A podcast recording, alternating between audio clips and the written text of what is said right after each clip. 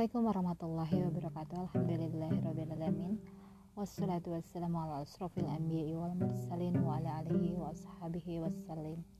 Assalamualaikum ya Rasulullah. Assalamualaikum ya Habibullah. Sahabat podcast di siang hari ini Aku mau bercerita Tentang perjalananku Sewaktu aku bertraveling masih di kota Tokyo karena saat ini sedang Olimpiade Tokyo jadi teringat lagi ya tentang kisah traveling ke Tokyo. Jadi ini adalah hari ke berapa ya? Aku di Tokyo itu kurang lebih hari terakhir aku di Tokyo. Kurang lebih aku di Tokyo kurang lebih sekitar tiga hari saja ya. Tiga hari nggak pakai malam ya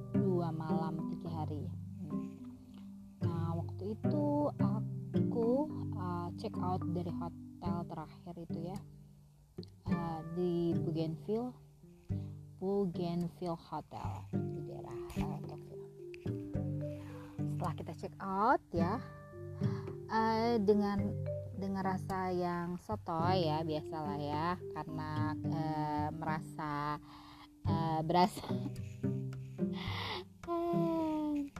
ya kita itu kan bergantung kepada Allah Subhanahu wa taala yang pastinya kita menyerahkan semuanya perjalanan ini kepada Allah. Jadi ya mau gimana juga pokoknya nanti akan ada jalannya deh. Pokoknya jalani dulu aja ya. Walaupun kita sudah sudah memiliki uh, traveling date-nya sudah ada nih uh, hari kedua ini uh, malam. Jadi kita sudah dua malam di Tokyo ini. Nah hari ketiganya ini kita mau uh, pergi ke Kyoto. Nah hari ketiga ini kita langsung saja kita check out ya check out dari hotel terus kita ke Shinjuku Shinjuku Station ya. Shinjuku Station ini kita naruh dulu uh, di mallnya ya. Kita naruh dulu uh, koper kita kita taruh koper kita dan kebetulan kita naruh kopernya di dalam mall setelah kita menaruh koper kita di dalam mall kita pergilah mencari tiket buat ke Kyoto. Kalau teman aku yang namanya Aziza itu dia sudah dapat tiket ke Kyoto itu dulu sudah sejak sebelum masih ada di Malaysia. Masih ada di Malaysia dia sudah pesan tiket sebelum berangkat ke Tokyo. Berbeda dengan aku yang belum punya tiket ke Kyoto naik kereta atau naik Shinkansen kita belum punya. Jadi kita saat itu langsung pergi ke station bus di Shinjuku station bus. Dan kita lihat ternyata Shinjuku station bus sudah habis tiketnya. Kita nggak dapat tiket Shinjuku station kita nggak dapat tiket kereta ya kita nggak dapat Shinkansen ataupun tiket biasa. Akhirnya kita uh, membeli tiket dan tiket bus pun kita dapat yang paling mahal. Mirip-mirip Shinkansen Aduh. terus kita belilah ya uh, seharga kurang lebih 9.800 yen ya. Hampir 10.000 yen. Kurang lebih kalau Shinkansen itu sekitar 11.000 apa 12.000 yen ya. Sedikit sekali lagi pakai Shinkansen ya sudahlah. Pokoknya dinikmati saja kita mendapat uh, jadwal bus ke Kyoto itu kurang lebih jam 11 malam ya. Jam 11 lewat 20 menit lah kurang lebih. Nah sebelum kita menghabiskan waktu menuju jam 11 ya kita berkeliling-keliling dulu Kyoto. Eh sorry berkeliling-keliling dulu Tokyo. Ya kita naruh dulu ya sambil kita naruh apa? Koper terus kita sudah beli uh, tiket bus ke Kyoto tiket bus malam kita berkeliling-keliling lah mengelilingi uh, Shinjuku nah kita keliling dari Shinjuku mulai dari uh, apa segala macam lah kita beli oleh-oleh makanan kecil. Kita beli pernak-pernik lah jajanan nyemil-nyemil dikit-dikit lah kita juga beli apa takoyaki gitu kan es krim dan lain sebagainya. Waktu itu kita ditemenin sama Yuka. Kebetulan Yuka hari itu sengaja lagi libur kerjanya dia seorang perawat di Tokyo. Dia menemani kita keliling-keliling uh, yang kita mau ya. Wah kita berputar-putar tuh ya di sekitar uh, apa di sekitar uh, Shinjuku Town itu ya. Kita duduk nongkrong di pinggir jalan ya menghabiskan waktu sambil menunggu uh, jadwal bus akan berangkat nanti malam. Nah kurang lebih setelah mendekati malam hari ya setelah uh, uh, isya ya uh, Yuka juga sudah pulang. Kita mau cari makan malam nih judulnya. Sekitar jam 8 malam kita mau cari makan malam. Kita searching lah uh, resto halal food in Shinjuku Town gitu ya. Ada pakai map kayak Google Maps kita dapet ya. Gak jauh sih resto ini. Cuman karena kita bukan ahli maps dan kita kurang pintar membaca maps ya. Karena pergerakannya antara internet handphone dan uh, gerak langkah kaki ini nggak sinkron sepertinya. Nah, nah kita tuh sudah pada posisi yang uh, streetnya udah benar jalannya udah benar cuma kita nggak tahu ini tuh ada di sebelah mana bloknya yang mana gedungnya yang mana kita nggak tahu udah itu kita akhirnya berputar lah di jalan-jalan situ. Mutar-mutar gitu ya sambil melihat uh, pelang-pelang resto siapa tahu ada nama yang resto kita cari ini resto uh, muslim. Pokoknya resto Jepang uh, untuk khusus untuk orang muslim. Berlabelkan halal. Pas kita lagi linglung gitu ya uh, belok balik gitu eh kita ditegur. Ditegur sama selebritis kita ditegur sama seorang Indonesia juga ya. Dia bilang ini Indonesia ya? Uh, iya betul kita Indonesia. Lagi cari restoran halal ya? Iya kita lagi cari restoran halal. Kebetulan sama nih kata dia itu. Dan itu ternyata siapa? Dan dia adalah seorang uh, apa vokalis dari Silon Seven ya bersama istrinya bersama anaknya. Dan kita pun sama-sama mencari resto yang sama bersama-sama nih sebuah resto yang kecil ya jadi gate-nya tuh kecil banget satu pintu gitu. Dan restonya ini ada di lantai basement di bawah. Jadi kita harus turun gitu menuju si resto ini. Nah ini ada momen-momen best nih nanti setelah ini ya. Masuklah kita ke dalam restonya. Dan semua tempat duduk di dalam resto itu penuh. Sudah dibuka. Laris juga nih resto ya menuju satu tempat yang seharusnya bukan tempat makan, namun gudang atau tempat apalah gitu ya. Ya, tapi di situ ada ada meja ya, ada meja tapi dengan uh, dekorasi yang tidak benar. Dinding yang belum dicat gitu ya. Uh, kanan kiri tembok yang belum dicat gitu dengan ya benar-benar ini sepertinya kayaknya gudang gitu ya kalah uh, spesial mungkin ya menyambut kita bersama artis gitu ya makan bersama artis jadi hanya dua anak uh, bapaknya Silon Seven sama istrinya. Dan kita aku dan teman aku berdua. Dan kita berenam dalam satu ruangan itu ya. Mak, uh, jadi makan malam bersama artis ya. Judulnya itu. Dan karena kesotoyan kita ya kita buka menu gitu ya. Pasti lihat harganya masya Allah. Tau nggak? Satu buah menu aja sekitar satu juta itu namanya apa ya uh, ada namanya kayak daging tuh yang empuk banget empuk empuk empuk, empuk gitu ya. Yang di slice gitu ya. Dagingnya gak terlalu matang dimasaknya nggak perlu matang-matang sebentar doang dia udah empuk gitu ya. Dibagi mungkin beberapa slice mungkin sekitar 10 slice mungkin ya. Uh, itu dan disajikan ya. Namanya apa ya? Steak uh, apa namanya wagyu ya wagyu. Pokoknya empuk banget ya dagingnya. Terus karena kita melihat satu menu satu juta ya uh, kita pikir-pikir lagi waduh. Aduh bukannya kita nggak mau ya nah, tapi kita memang gak bukan kelas kita bukan kelas kita makanan seperti ini ya. Kita biasa makan sushi itu paling enggak ya sekitar cuma 100 ribu itu dapat tiga set. aduh udah gitu udah lah. Akhirnya kita pesan juga sih. Kita pesan juga menu yang paling murah di antara yang murah. Eh di antara yang murah. Benar menu yang paling murah di antara yang murah ya. Jadi kita pilih yang paling murah di antara yang murah. Tidak seperti artis ya yang di depan kita ini dia pesan wagyu gitu kan ya. Dan mereka pun menyuruh kita ayo uh, silakan cicipi menu kita gitu kan ya. Kita mikir-mikir lagi ya aduh nggak deh ya soalnya harganya udah segitu kita nggak berani nyobain punya orang kita pun senyum-senyum gak jelas gitu. Sambil pandang-pandangan gitu dengan teman aku ini ya. Pasti kita dalam berpikirnya nah, perjalanan kita masih panjang jangan terlalu boros ya. Aduh akhirnya kita memesan sushi ya. Kita memesan sushi satu plate itu kurang lebih isinya cuma 5 biji. Gak banyak banyak 5 biji doang ya. Dan harganya itu kurang lebih ya sekitar 350 ribu saja ya alhamdulillah tapi ya akhirnya kita pesen keluarlah gitu ya. Ini sebenarnya susinya mungkin enak tapi nggak nggak nggak ketelan kayak di lidah. Ya ketelan di lidah. Ah, mungkin karena harganya ya nggak tahu deh pokoknya. Tapi yang jelas sih rasanya memang berbeda dengan yang biasa kita makan.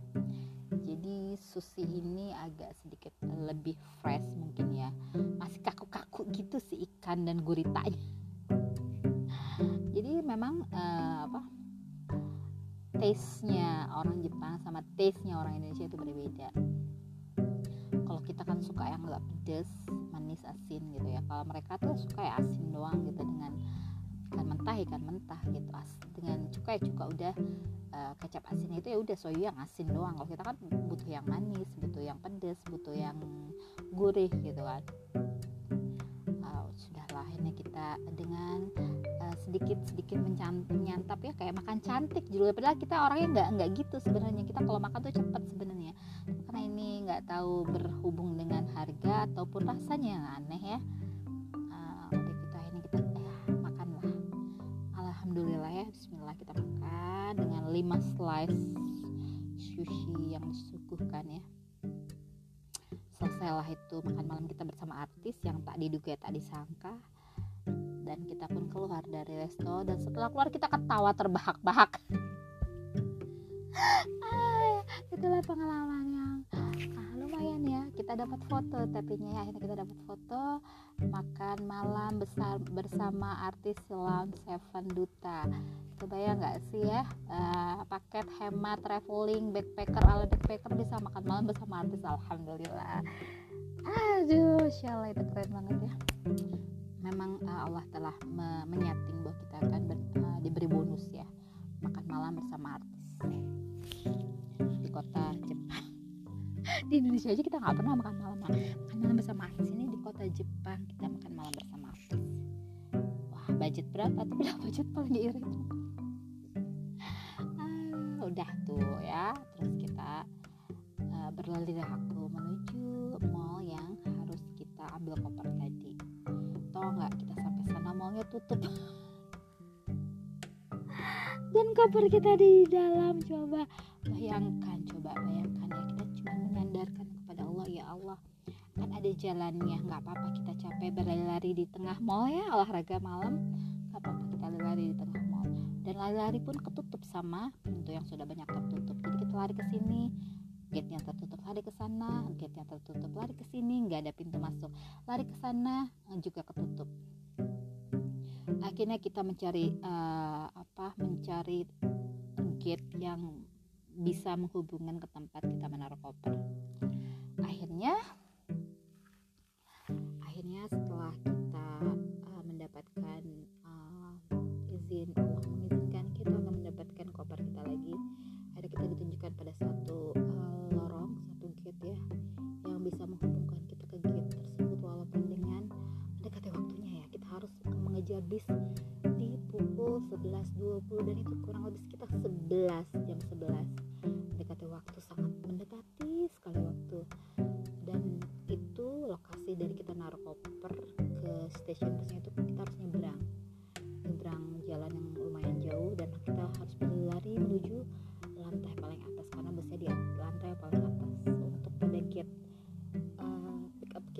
atas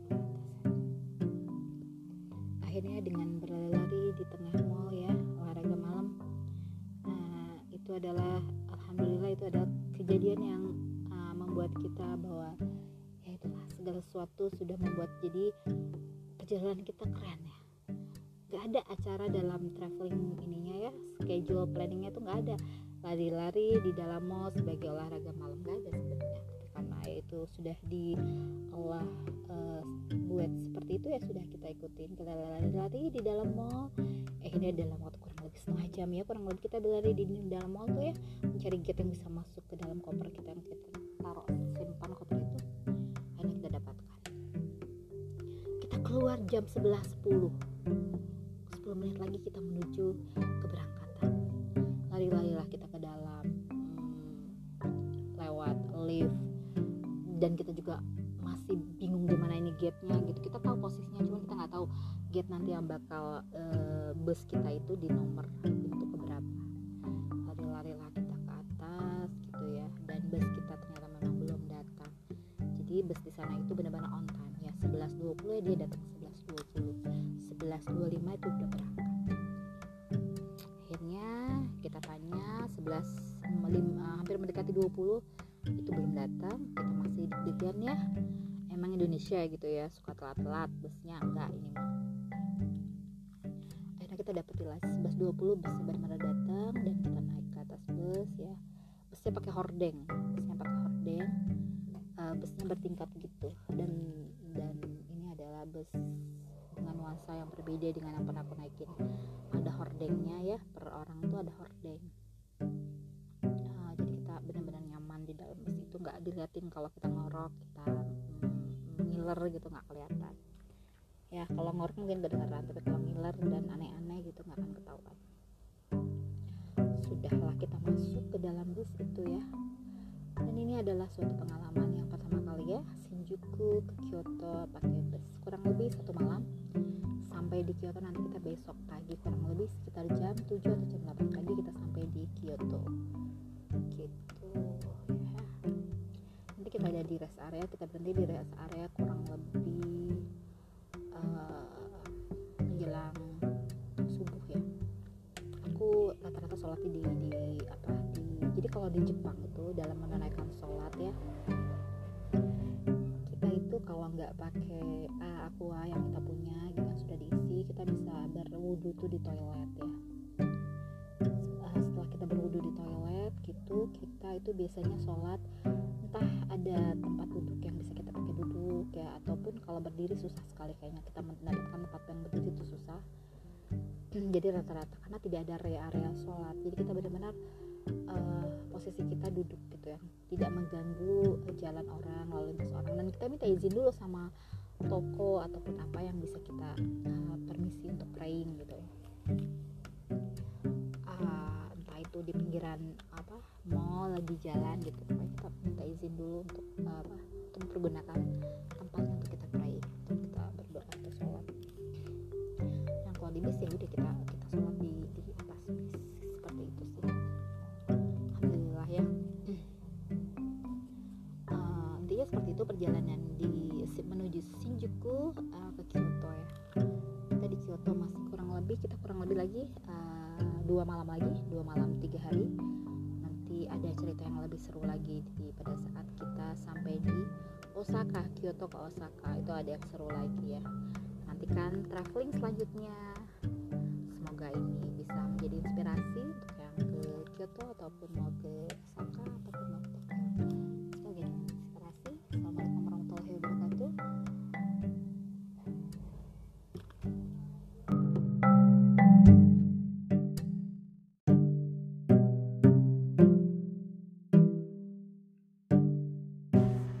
Auzubillahiminasyaitonirrajim Bismillahirrahmanirrahim. Alhamdulillahirrabbilalamin Wassalatu wassalamu ala asrafil anbiya wal mursalin Wa ala alihi wa sahbihi wassalim. Assalamualaikum ya Rasulullah. Assalamualaikum ya Habibullah. Sahabat filah Zana Aku mau lanjutin lagi ya Kisah traveling aku di hari terakhir Di Osaka. Alhamdulillah Masya Allah tabarakallah ya.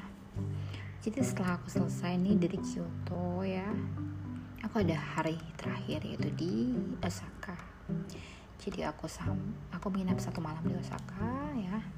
Jadi udah itu waktu itu aku uh, udah tuh dari Japan Village tuh ya. Uh, kampungnya di Jepang itu ya tradisional yang masih tradisional banget gitu ya. Kayak kita mah kabupaten lah ya. Terus aku menuju Osaka. Nah Osaka ini adalah tempat kita nanti akan take off menuju Jakarta pulang. Di Osaka ini kita satu malam doang ya. Hmm, dan suasana kotanya masih sangat kering banget ya. Belum ada sama sekali yang namanya musim semi ya. Masih benar-benar pohon tuh pada botak gitu ya. Nggak ada daunnya. Ya jadi hanya pohon-pohon dengan ranting-ranting yang kering gitu ya. Belum bermunculan bunga apa tuh namanya kalau bunga di Jepang? Sakura ya. Kalau di Tokyo itu udah udah udah pada rame tuh bunga sakuranya udah pada mekar-mekar gitu kalau di Osaka masih kering kerontang masih karena ini adalah kayak kayak Jakarta Surabaya sih sebenarnya. Jadi mungkin mungkin berbeda gitu. Berbeda uh, musimnya masih masih berbeda. Belum belum merekah semua bunganya. Alhamdulillah ya sampai di Osaka kita itu harus berganti kereta. Jadi dari kita pakai yang uh, kereta yang pemerintah gitu ya kita harus uh, berganti pada lorong bawah tanah yang lebih dalam lagi ya. Itu harus pakai namanya kereta lokal lah ibaratnya. Khusus area Osaka gitu. Kan kalau tadi antar antar antar kota atau antar daerah ini kita harus pakai ambil yang Jabotabek kalau di Bogor mah kereta pakuan lah istilahnya. Cuman bedanya ini di dalam tanah yang dalam banget ya. Lebih dalam lagi dari yang sebelumnya. Jadi ini kereta kereta dalam kota. Uh, suasananya benar-benar isinya adalah orang-orang kantoran ya. Orang-orang asli Osaka yang uh, pulang kerja ataupun mau pergi kerja emang kita ya banyaknya jalan-jalan. Mereka mah kerja di kereta tuh buat kerja doang. Kalau aku mah ke Jakarta buat jalan-jalan doang naik kereta. Aduh. Terus uh, nyampe lah di Osaka. Sampai di Osaka kita biasa nyari hotel dengan modal seadanya ya pakai uh, maps gitu ya sebenarnya sih gampang ya tapi karena karena itu bukan daerah kita ya kita perlu panduan orang lah kita tanya-tanya ke orang dan alhamdulillah kita dianterin sampai dengan titik koordinasi ya. titik koordinasi titik yang harus kita tuju yaitu hotelnya Nah, uniknya kita itu pilih hotel yang sangat berbeda dari sebelumnya. Kalau sebelumnya kan kita pakai namanya hotel uh, transit tuh deket-deket bandara. Kedua kita pakai hotel yang benar-benar um, hotel uh, kayak uh, dengan tema agak-agak nggak terlalu yang uh, high gitu ya sederhana tapi klasik gitu ya. Pokoknya masih asri banget deh banyak pohon-pohonan banyak tanam-tanaman di hotelnya itu. Uh, dengan apa uh, kamar mandi yang klasik tapi bersih rapi gitu. Dalamnya itu kita dikasih yang namanya mandi-mandian itu pakai uh, sampo sabun pakai brand yang yang kalau buat orang Indonesia itu mahal banget kalau kita mah body shop kali ya kalau Indonesia mah. Meren. Sari Ayu. Tapi kalau itu nggak samponya sama si sabunnya itu pakai brand yang buat kita itu brand mahal banget gitu ya. Masya Allah baru kali itu ya kita, kita berlimpah ruah kita pakai sabun sama samponya. Jarang-jarang pakai sampo sabun mahal gitu. Jadi brand-brand Jepang gitu yang dipakai buat di hotel. Kebayang nggak kalau buat kita itu dipakai buat ya disayang-sayang lah makanya dikit-dikit lah gitu kan ya karena mahal. Wangi banget ya wanginya bener-bener perpaduan dari bunga-bungaan tuh yang yang wanginya soft gitu lembut ya. Ah, pokoknya itu Masya Allah enak banget ya pokoknya itu kesukaan soalnya. Wangi-wanginya tuh wangi-wangi bunga gitu natural natural gitu deh. Nah udah gitu ya kita pilih tuh hotel yang terakhir ini adalah hotel kapsul. Jadi udah beres tadi tuh hotel terus beres ke yang apartemen juga yang ngerasain kayak di desa banget gitu ya di desa Jepangnya gitu. Terus kita ngerasain yang namanya pak kayak eh, ngerasain hotel kapsul. Nah kapsul ini ya kebayang gak sih? Cuman cukup ukuran satu tubuh udah kayak alam kubur ya cuma dua kali satu meter loh ini bener-bener nggak nyampe satu meter kali ya. Pokoknya ukuran kasur yang kecil tuh yang yang single gitu yang buat sendiri gitu. Di dalamnya lengkap loh. Di dalamnya ada TV ya.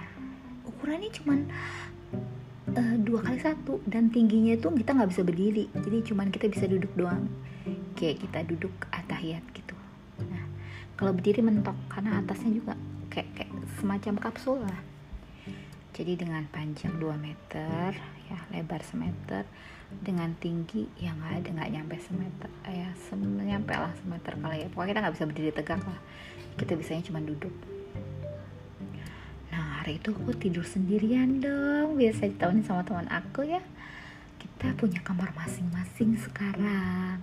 Ya jadi kita mau ngapain ya? Mau menikmati kesendirian ya itu. Kadang-kadang kita butuh waktu yang namanya sendiri. Apalagi kalau misalnya lagi jalan-jalan gitu sama teman kadang-kadang kelihatan kan keluar aslinya keluar egonya keluar uh, tabiat aslinya. Karena kita biasanya cuma ketemu sehari beberapa jam.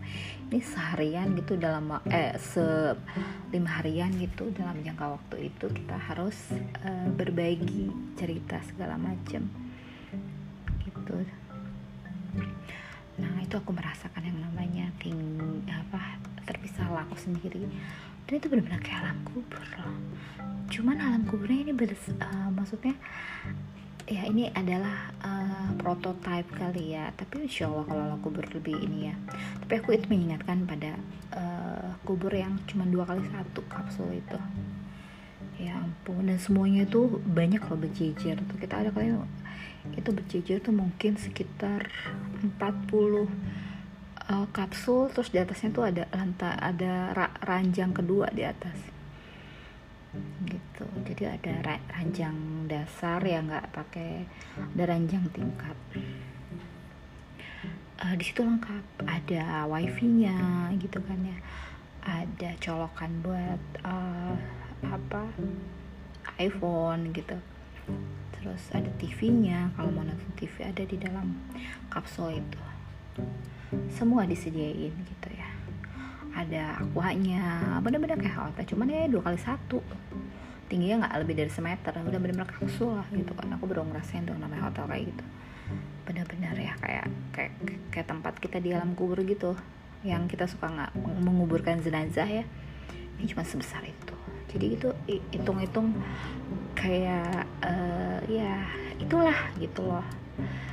Uh, pembaringan pada saat dimasukkan kubur itu segede gitu doang. Yang mudah-mudahan kalau be berbeda dimensi berbeda uh, alam mungkin tidak seperti itu. Cuman ini hanyalah sebagai uh, apa sih namanya sebelum ya ini mengingatkan aku akan hal akan hal itu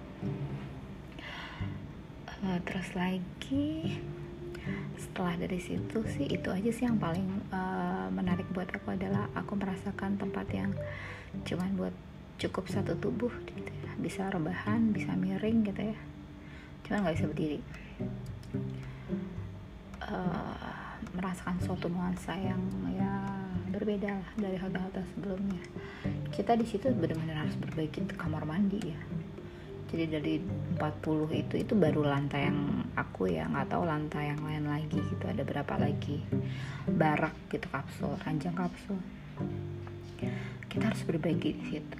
Ya kamar mandi itu berjejer ada 10 kali kamar mandinya pakai hordeng doang gitu.